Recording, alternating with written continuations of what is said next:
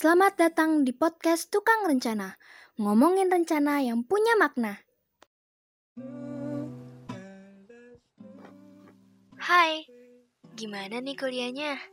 Udah ngerasa capek sama tugas? Pusing mikirin masa depan? Atau pusing karena belum punya pasangan?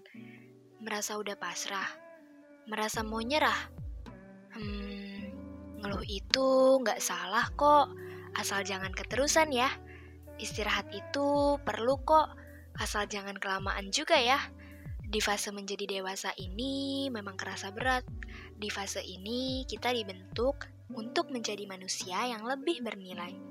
Banyak hal-hal yang tidak disangka-sangka terjadi di fase ini. Untuk kamu yang sekarang ngerasa mau nyerah, coba diinget-inget lagi. Kenapa kamu bisa sehebat sekarang? Coba kamu ingat-ingat lagi, kenapa kamu masih mencoba untuk bertahan? Aku yakin pasti kamu punya tujuan yang sangat hebat. Ingat gak kemarin-kemarin? Kamu pun bertemu dengan hal-hal yang sangat susah, tapi kamu hebat. Kamu bisa melewati itu semua. Aku yakin kamu adalah manusia ciptaan Tuhan yang sangat spesial yang cuma ada satu di alam semesta ini. Jadi, untuk kamu yang mendengarkan suara ini, jangan patah semangat.